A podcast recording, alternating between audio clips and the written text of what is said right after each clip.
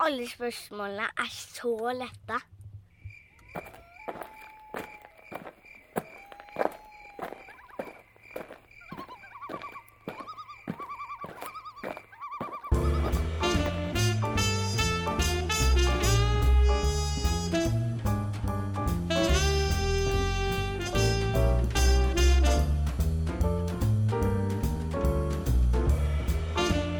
Kjære lytter, sett deg ned i stolen og gjør klar for påskelunsjquiz.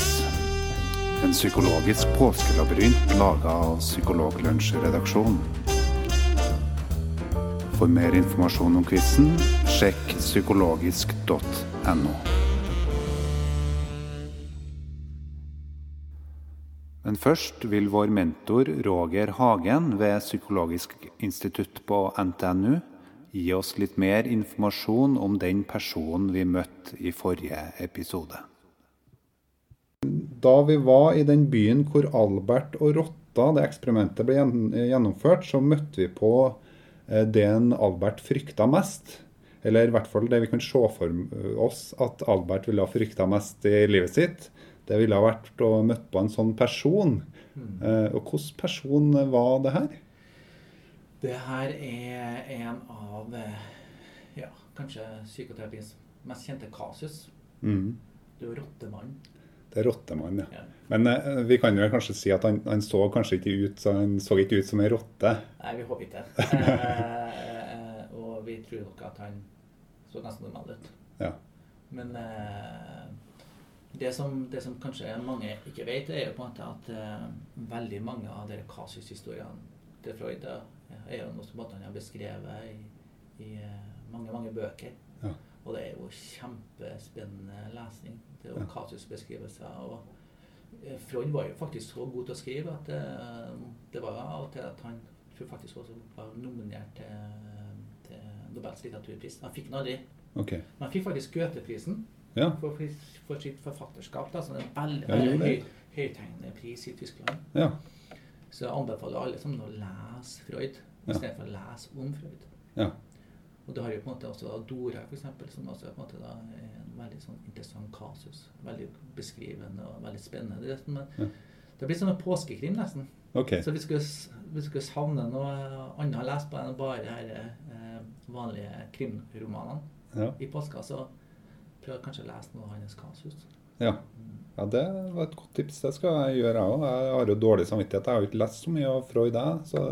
Men du har jo vært gjennom eh, en del, eller? Ja, det er mange som tror at jeg ikke har gjort det, men det har Ja. faktisk gjort. det. Jeg Ja. synes at han, han er morsom og, og interessant. Ja. Det som er litt spennende er på en måte spørsmålet er på en måte hvilken behandling tror han Rottemann ville ha fått i dag. Ja. Eller ville han fått det samme som eh, Freud ga han?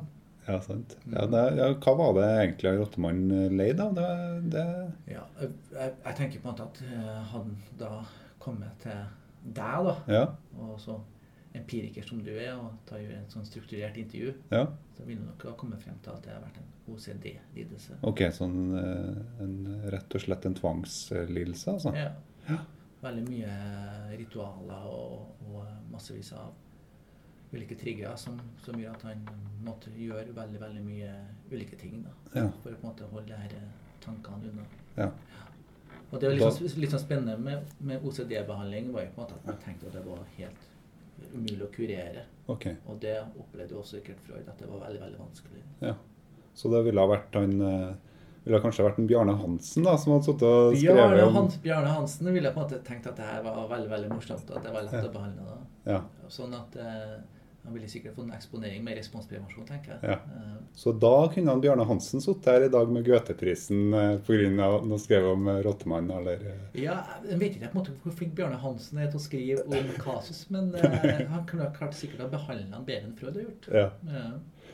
Ja, nei, men Da har vi svaret på dagens gåte. Dere skal frem til byen hvor, hvor Rottemann befant seg ikke til i- altså, Nei, dere, til, dere skulle til byen hvor terapeuten til rottemannen ble født. Riktig. Det er sant. Mm. Lykke til.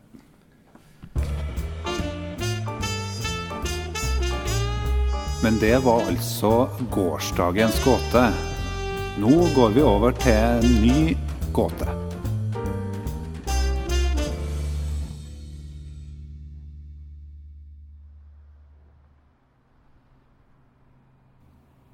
Etter å ha nytt et fint og pertentlig måltid i fødebyen til terapeuten til advokaten Ernst, eller da Rottemann, sitter du igjen alene.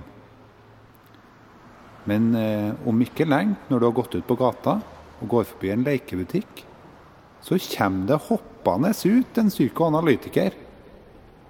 Han kan si at han er veldig glad i leik. Og hjem i hjemlandet sitt, i byen der, eh, så har han eh, et radioprogram hvor han gir råd til unge mødre og eldre mødre, som, eh, og menn selvfølgelig, fedre, som lurer på barneoppdragelse. Og det er noe annet spesielt med denne personen. Han snakker med pipestemme. Hvor er det vi skal hen?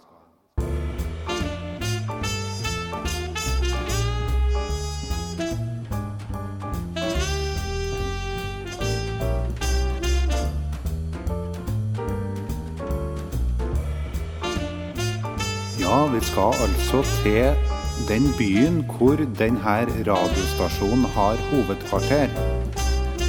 Hvor er det mannen med pipestemme har hatt et radioprogram? Lykke til.